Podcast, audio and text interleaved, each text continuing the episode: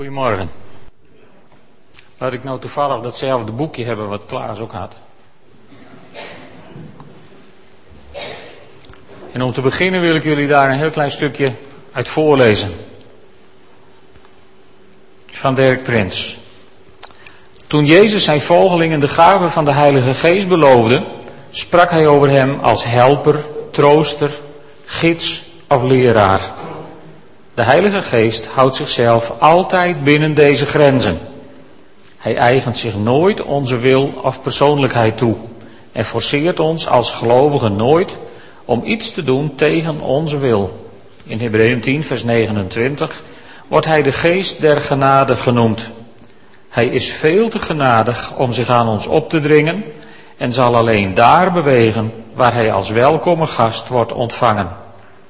Het is belangrijk om goed doordrongen te zijn van deze karaktereigenschap van de Heilige Geest.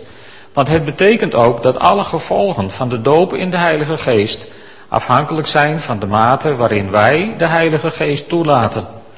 In Romeinen 8, vers 15 vergelijkt Paulus onze vrijheid als geestvervulde gelovigen met de gebondenheid van Israël aan de wet in het Oude Testament en herinnert ons eraan, want gij hebt niet ontvangen een geest van slavernij om opnieuw te vrezen.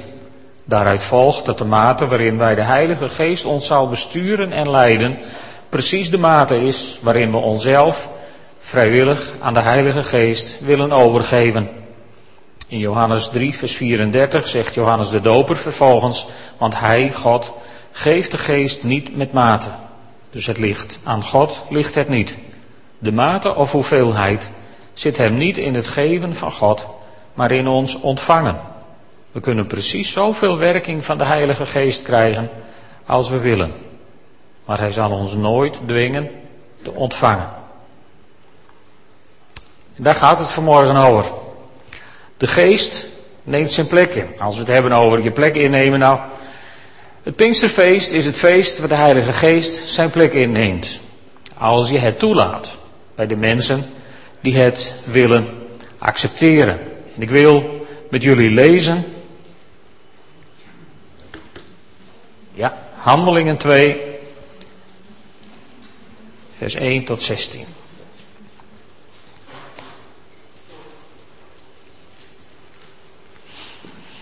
Handelingen 2, vers 1 tot 16. Toen de dag van het Pinksterfeest aanbrak, waren ze allen bij elkaar. Plotseling klonk er uit de hemel een geluid als van een hevige windvlaag dat het huis waar ze zich bevonden geheel vulde. Er verschenen aan hen een soort vlammen die zich als vuurtongen verspreidden en zich op ieder van hen neerzetten. En allen werden vervuld van de Heilige Geest en begonnen op luide toon te spreken in vreemde talen, zoals hun door de Geest werd ingegeven. In Jeruzalem woonden destijds vrome Joden die afkomstig waren uit ieder volk op aarde.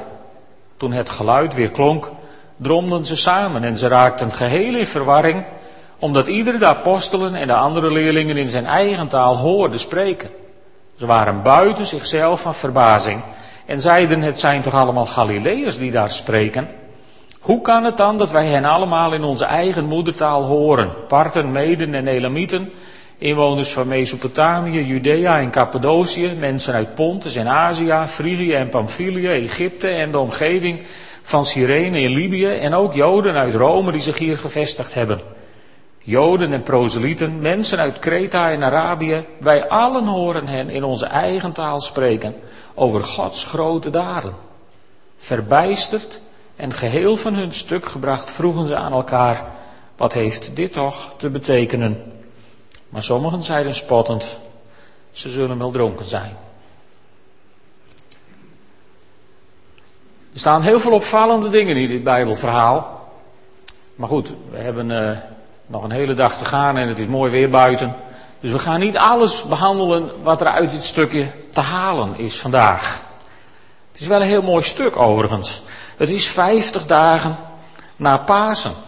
En als je in de wetten duikt, dan zie je dat op de dag dat Jezus opstond, dat was de dag waarop de Israëlieten met de eerste schoof van de oogst in de tempel moesten verschijnen. En die schoof, die moest voor God heen en weer bewogen worden, zeg maar als de eerste oogst. Zoals Jezus de eerstgeborene uit de doden werd, die opstond uit de dood. En dan, zeven weken later, plus één dag, dan is het het Pinksterfeest voor ons. En dan moesten ze het eerste brood van die oogst in de tempel brengen en aan de Heer presenteren. En dat was dan het eerste brood van de nieuwe oogst. Het was klaar met het ongezuurde brood. Het was klaar van, laat kan hebben van het kouwen, zeg maar. En het was de eerste keer dat er weer brood kwam wat gegist had. Brood waar weer lucht in zat. Eigenlijk zou je het Hebreeuwse woord ervoor kunnen gebruiken. Brood waar ruach in aanwezig was. De lucht, de adem, de geest. Op die dag. En op die dag, niet toevallig op die dag, maar goddelijk voorzien, juist op die dag komt er een nieuwe ruach, een nieuwe geest van God, die wordt uitgestort over de discipelen. En ze worden vervuld met de Heilige Geest. En, en vandaag wil ik even met jullie kijken naar een aantal opvallende woorden. Het begint met vervuld worden. Met andere woorden, er kwam iets over de discipelen. Nee, dat was waarschijnlijk al over hun, want Jezus had gezegd, de geest die bij jullie woont, zal in jullie komen. Dat was hun, hun beloof. Dus de geest die maakt hen helemaal vol van binnen, daar, daar wil ik straks nog wat meer over zeggen. En dan gebeuren daar merkwaardige dingen.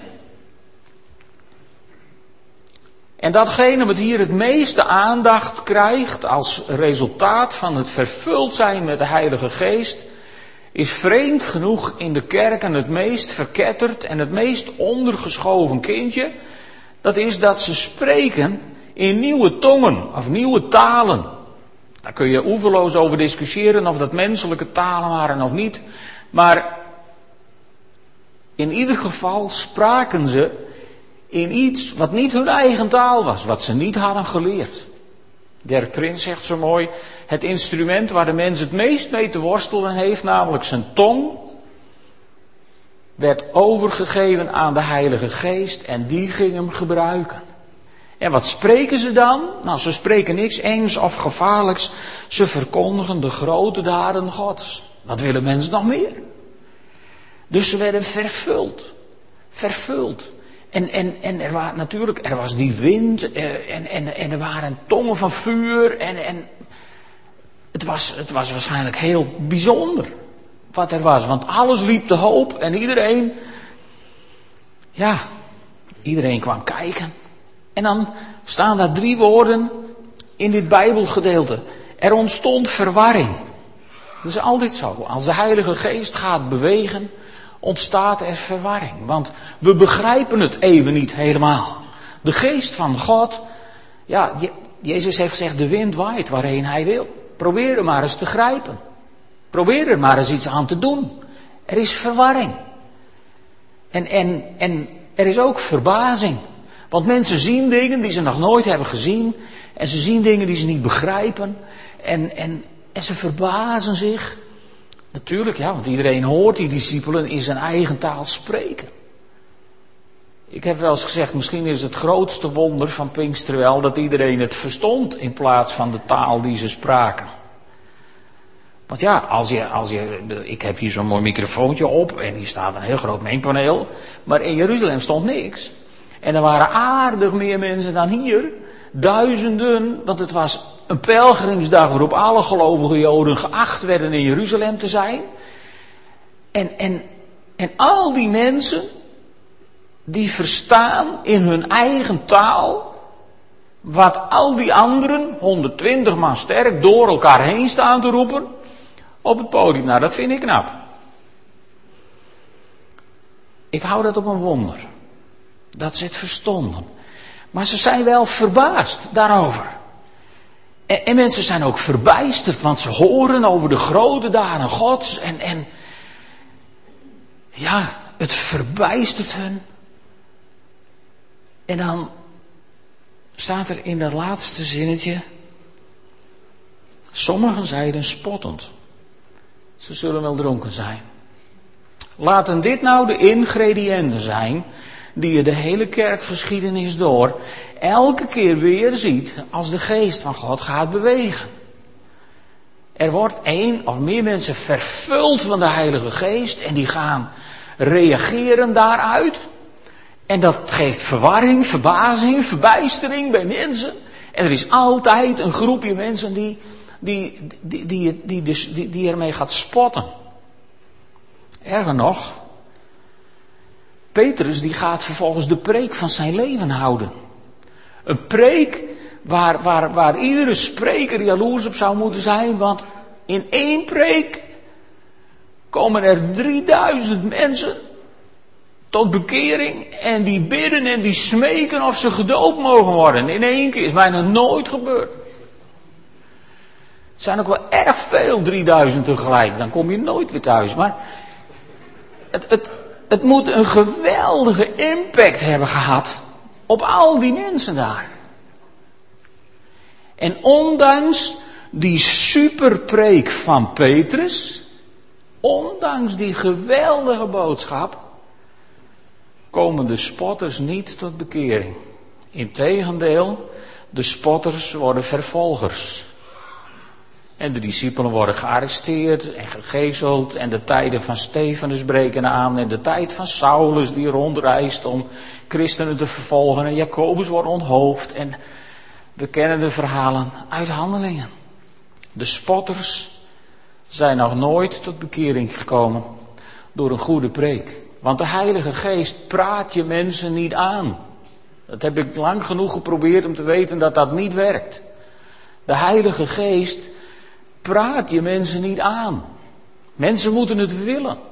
En waarom willen we het dan zo vaak niet, heb ik gedacht.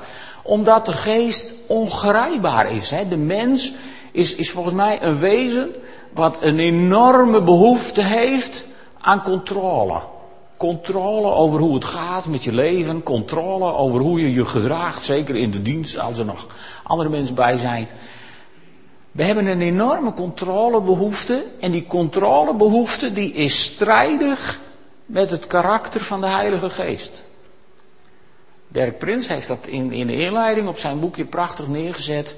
De Heilige Geest overrompelt ons niet. De Heilige Geest neemt ons niet in de houtgreep. De Heilige Geest overweldigt ons niet. De Heilige Geest volgt onze bereidheid. Het is goed om dat voor ogen te houden. En het is ook goed om je, denk ik, te verbijsteren als je naar de kerkgeschiedenis kijkt.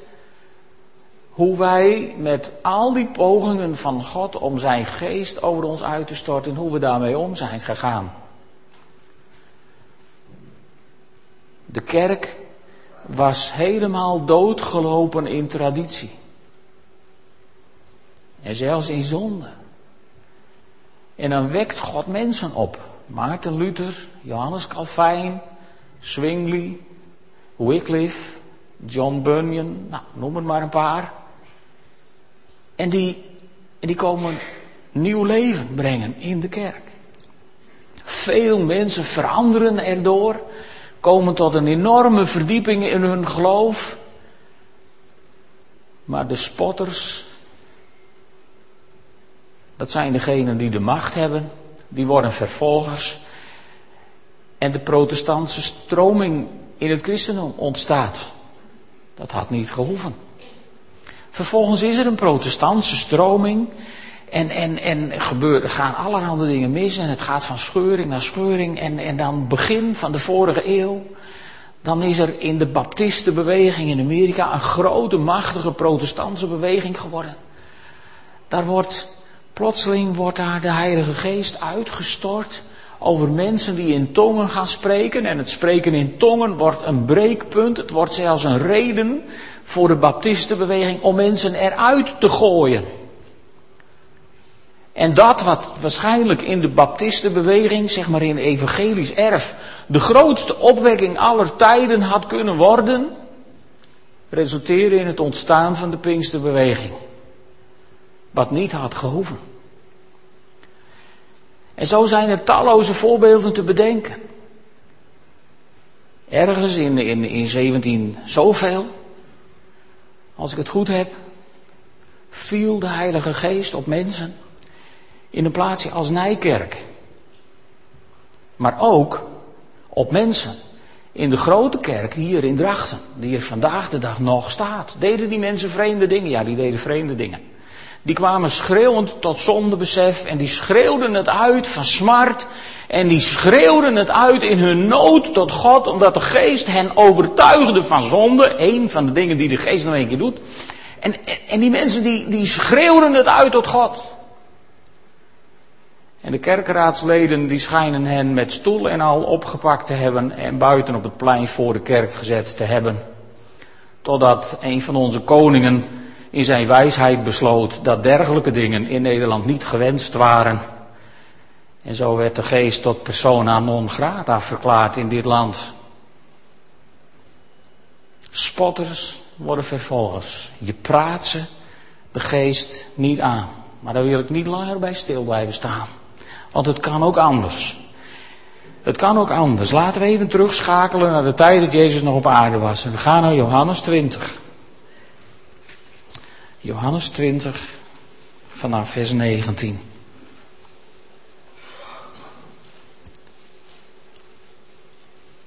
Op de avond van die eerste dag van de week waren de leerlingen bij elkaar. Ze hadden de deuren afgesloten omdat ze bang waren voor de Joden.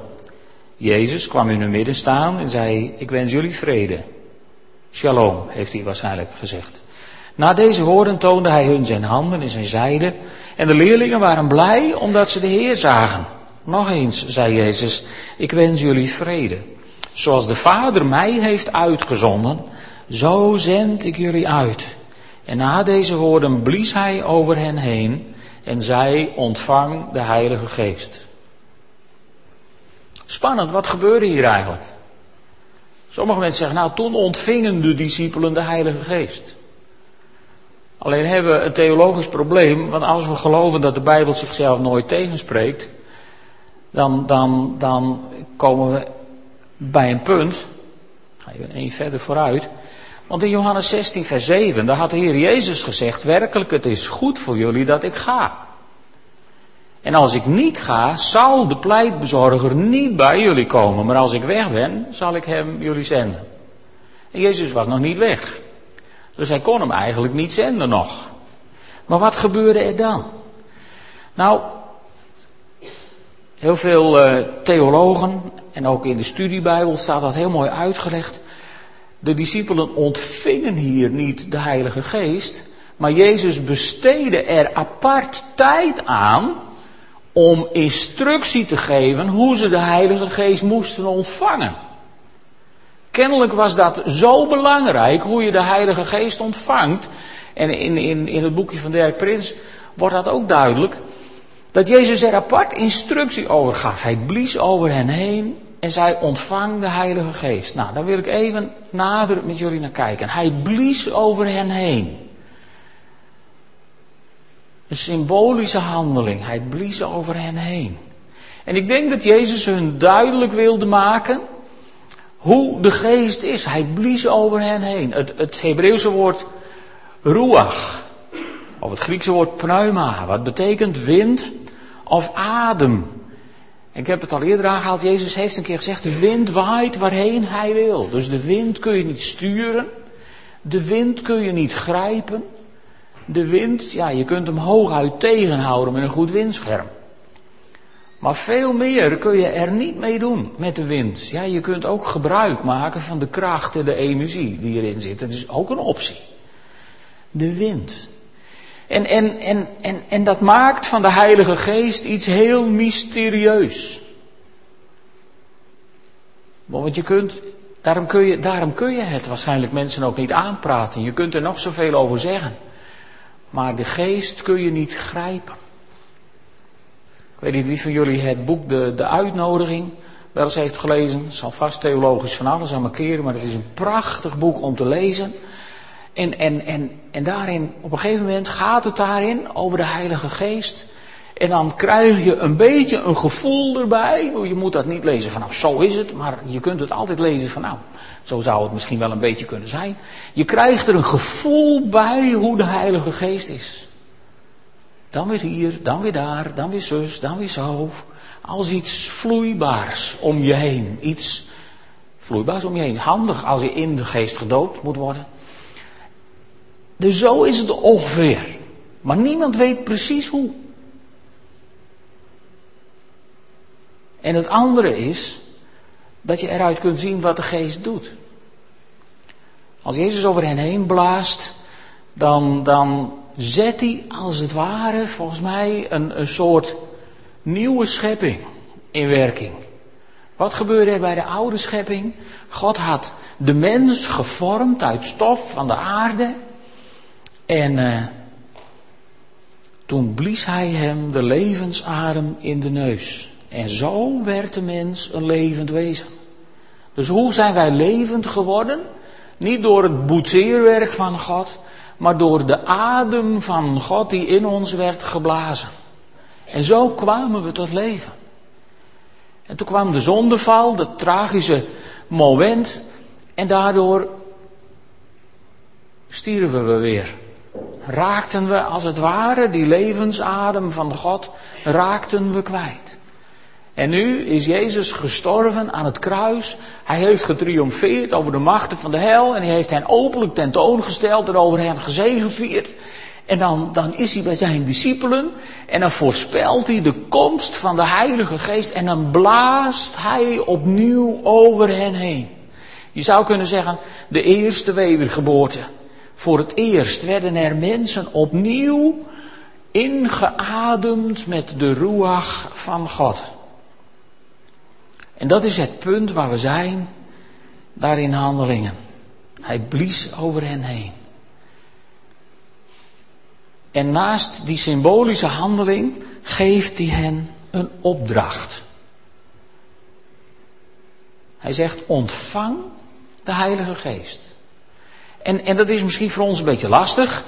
Want je kunt van ons, als, de post aan de deur komt met een pakje en je hebt de druk, dan kun je dat pakje aannemen van de post en dat smijt je op het kastje in de gang en je gaat verder met je werk.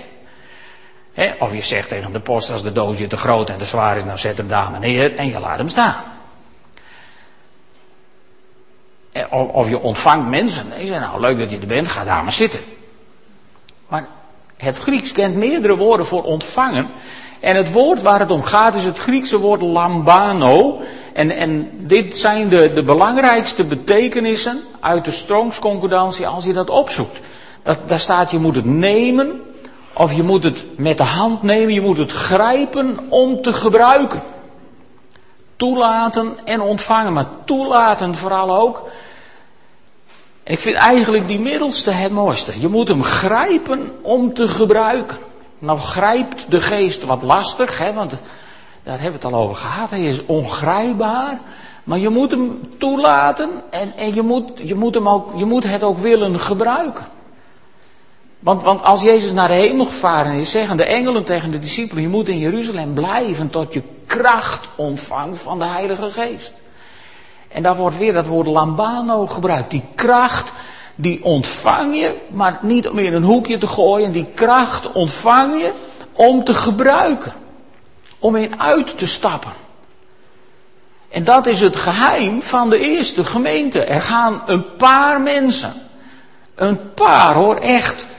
Twaalf apostelen, elf apostelen, ze zoeken er één nieuwe bij. Dus twaalf apostelen hebben we het dan over. En, en die gaan de wereld over. En dan, dan, dan is het een, een, 10, 20 jaar later. En dan lezen we al in de brieven van Paulus of in handelingen die beschuldigingen aan de apostelen. Deze mensen die de hele wereld in opschudding brengen. Met z'n twaalfen de hele wereld in opschudding brengen. Nou, dan moet er heel wat geest in je zitten. Als je de hele wereld in opschudding weet te brengen met z'n twaalfen. Als je tegenwoordig de goede positie hebt, dan nam één persoon het met de nodige mediavoorzieningen. Maar die hadden ze toen niet hoor. Die discipelen, die hadden niks. Alles moest lopend gebeuren.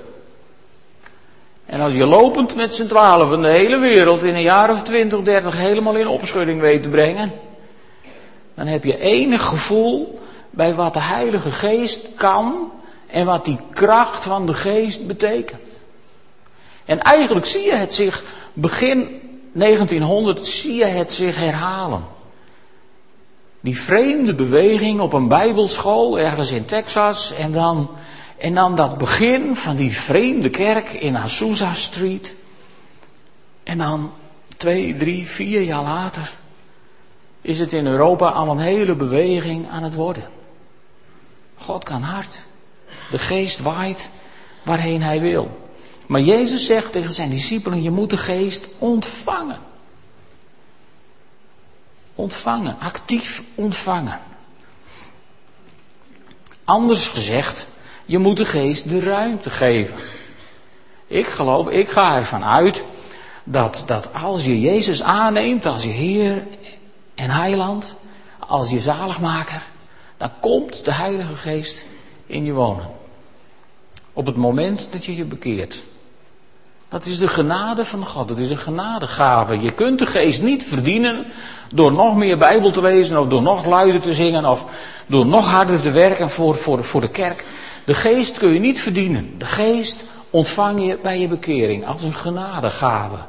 Genade, de genade van Jezus Christus, die heeft beloofd van als ik heen ga, zal ik de trooster tot je zenden. En Jezus heeft dat beloofd en wat Jezus belooft, dat komt hij altijd na. En zo komt de trooster in je wonen. Maar ja, wat voor plek krijgt hij dan? Ik heb hier wat vragen neergezet en daar, ja, daar moet iedereen voor zichzelf eigenlijk maar eens antwoord op proberen te geven. Is de geest in jouw leven een gast die op zijn kamertje moet blijven? Of is de geest in jouw leven een logier die mag blijven zolang jij het leuk vindt? Of heb je voor alle zekerheid de Heilige Geest goed opgeborgen in de kluis, sleutel weggegooid, cijfercombinatie gewist? Zulke christenen zijn er. Of is de Geest in jouw leven de eigenaar van de tempel en wonen wij er nog bij in? Dat is ook een optie. Voor mij de meest bijbelse. In 1 Korinthe 6, vers 19. Daar zegt Paulus al, weet u niet dat uw lichaam een tempel is van de Heilige Geest. Die in u woont, die u ontvangen hebt van God. En weet u niet dat u niet van uzelf bent?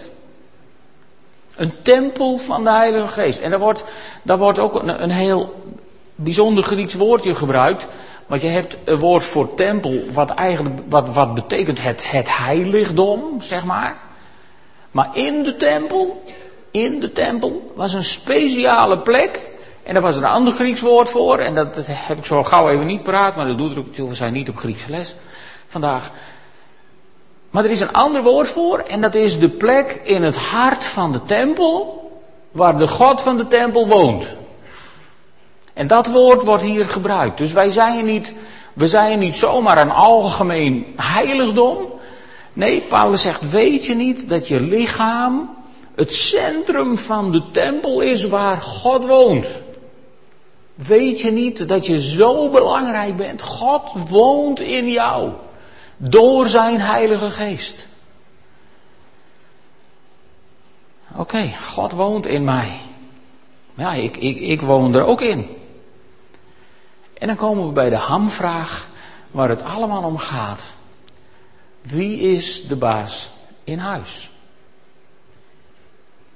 En wij zijn assertief opgevoed, zo langzamerhand, in onze cultuur. Wij zijn baas in eigen huis. Wij zijn baas in eigen buik. We zijn baas op eigen erf. Dat waren wij Friesen overigens al eeuwen. Dachten we. wij zijn baas. Of toch niet? Of is de geest van God baas?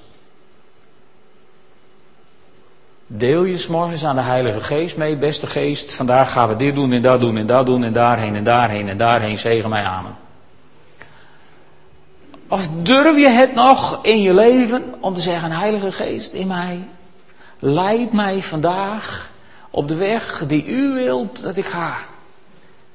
En dan mag je best zeggen wat voor verplichtingen jij hebt, maar geef je de geest s'morgens de ruimte. Wie van jullie durft s morgens tegen de Heilige Geest te zeggen: Breng alstublieft mensen op mijn weg die de Heere God nog niet kennen en gebruik mij om een getuige van Jezus Christus te zijn. Levensgevaarlijk. Maar hij doet het zo vaak als je daarom vraagt. Maar durf je dat? Durf je dat? Hoe staan wij in het leven? Wie is de baas in huis? Wilkin van der Kamp heeft dat in, in zo'n boekje prachtig onder woorden gebracht. God speelt geen enkele rol in mijn leven. Hij is de regisseur. En hoe is het met de geest in onze levens? Hoe is het met de geest in uw leven? Is de geest van God de regisseur van jouw bestaan? Of speelt de geest een rol? Misschien wel een bijrol in jouw bestaan? Dat is de vraag waar het om gaat. Want de geest is wel in je. Als u, als u kunt beleiden dat Jezus Christus de Heer is van uw leven. En, en, en ik geloof dat bijna iedereen die hier zit dat kan. Als u dat nog niet kunt, dan zou ik na de dienst heel graag daarover met je willen praten.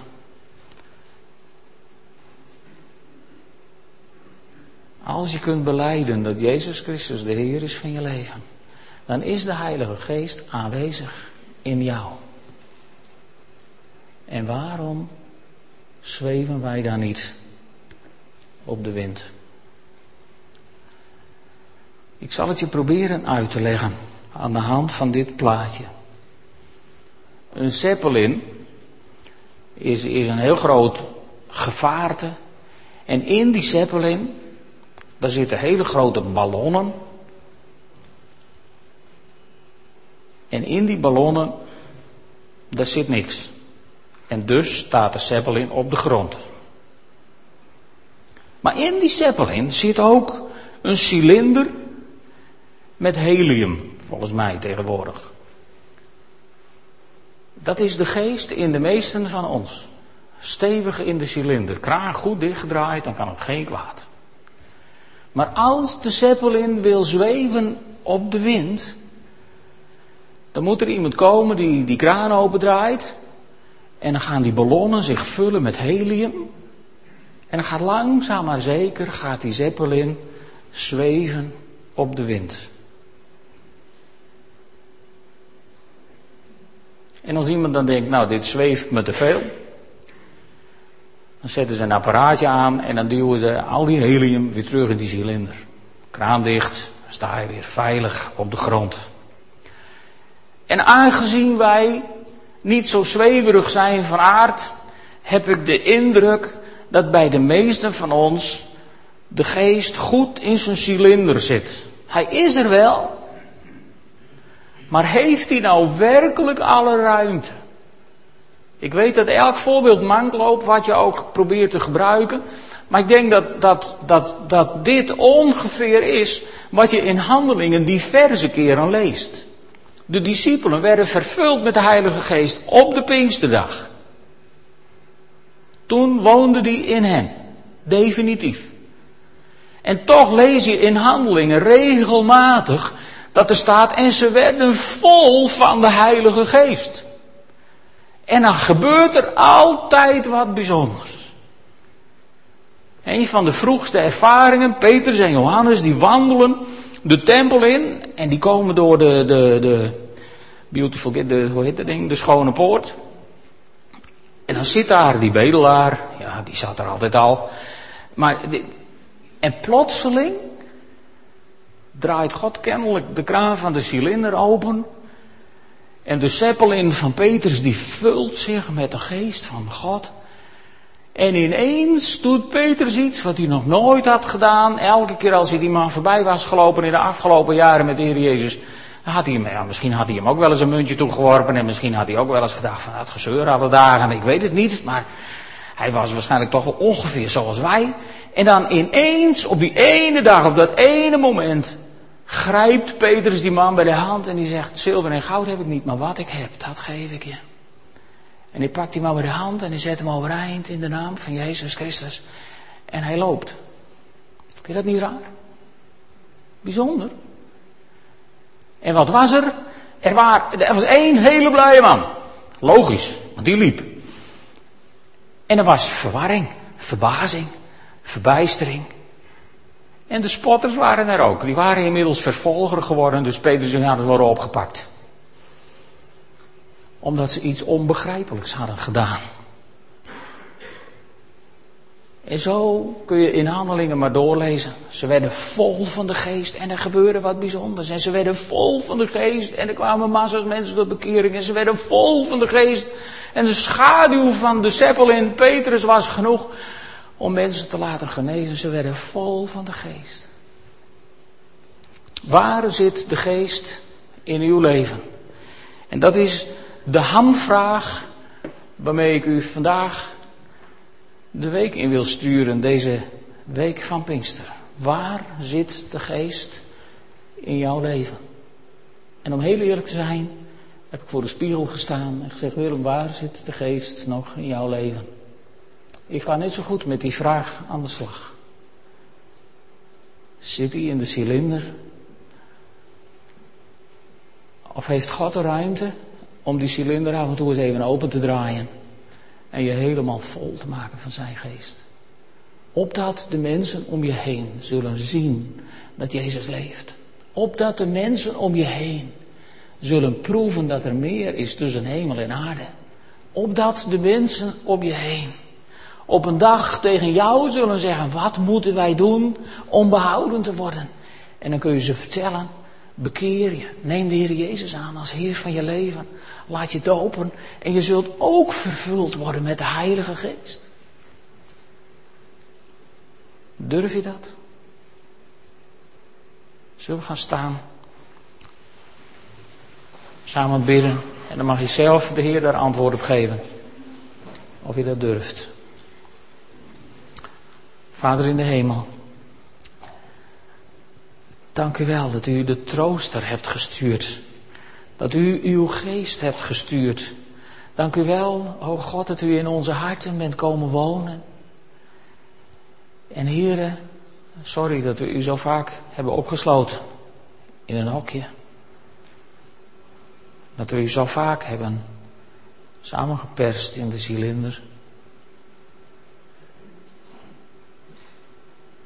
Heere God, maar ik bid u. Wilt u de regisseur worden? In mijn leven. Wilt u de regisseur worden in deze gemeente?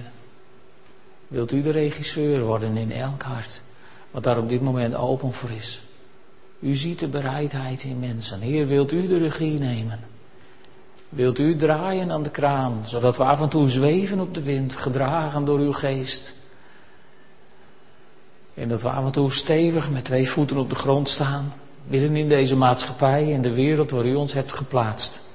Heer, want ik geloof dat beide plekken door u voor ons zijn bedoeld. Hier ga uw gang. Ga uw gang maar, Heer. Raak ons aan. En laat ons avonturen beleven. Door die machtige geest die u hebt gegeven. Schenk ons die genade, Heer. Laat ons maar verbaasd worden, verbijsterd, in verwarring als het moet. Heer, ga uw gang. Ik geef u de ruimte. In de naam van Jezus Christus, onze Heer en Heiland. Amen.